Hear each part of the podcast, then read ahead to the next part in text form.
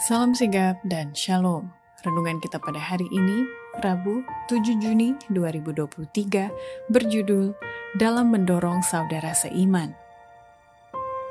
Ayat intinya terdapat di dalam kisah para rasul 28 ayat 15. Saudara-saudara yang di sana telah mendengar tentang hal ihwal kami, dan mereka datang menjumpai kami sampai ke forum Apius dan Tres Taberne. Ketika Paulus melihat mereka, ia mengucap syukur kepada Allah, lalu kuatlah hatinya.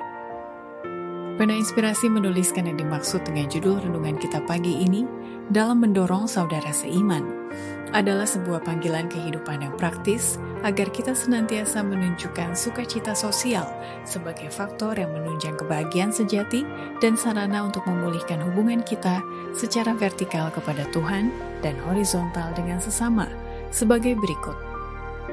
Pertama, salah satu metode dalam mendorong saudara seiman bekerja adalah hamba-hamba Kristus yang sudah tua harusnya didudukan sebagai penasihat.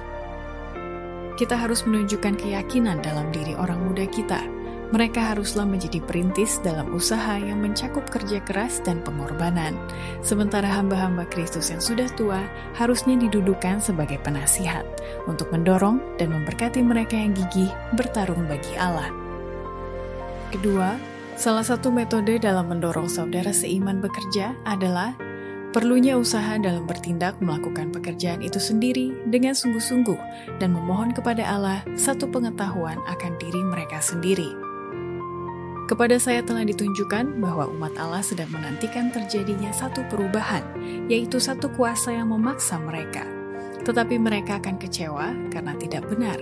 Mereka harus bertindak mereka harus melakukan pekerjaan itu sendiri dan dengan sungguh-sungguh memohon kepada Allah satu pengetahuan akan diri mereka sendiri. Pemandangan yang berlalu dari hadapan kita cukup mendorong kita supaya bangkit dan menanamkan kebenaran ke dalam hati orang-orang yang mau mendengarnya. Ladang dunia sudah hampir masak.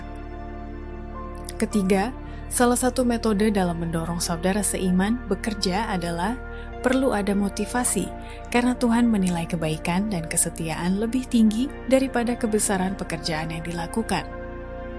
Pengakuan Tuhan tidak diberikan atas kebesaran pekerjaan yang dilakukan atau karena sudah diperoleh banyak hal, tetapi karena kesetiaan atas hal-hal yang sedikit. Bukanlah hasil yang lumayan sebagai perolehan kita yang dinilai Allah, tetapi motivasi kita dalam melakukannya. Dia menilai kebaikan dan kesetiaan lebih tinggi daripada kebesaran pekerjaan yang dilakukan. Keempat, salah satu metode dalam mendorong saudara seiman bekerja adalah kita harus ingat bahwa Allah lebih menghargai berapa banyak kasih dari seorang yang bekerja ketimbang hasil pekerjaannya. Apa saja yang dilakukan dengan kasih yang murni, apakah itu kecil atau rendah dalam pandangan manusia, akan sepenuhnya berbuah, karena Allah lebih menghargainya dengan berapa banyak kasih seorang bekerja ketimbang hasil pekerjaannya. Demikianlah renungan kita pada hari ini, kiranya Tuhan memberkati kita semua.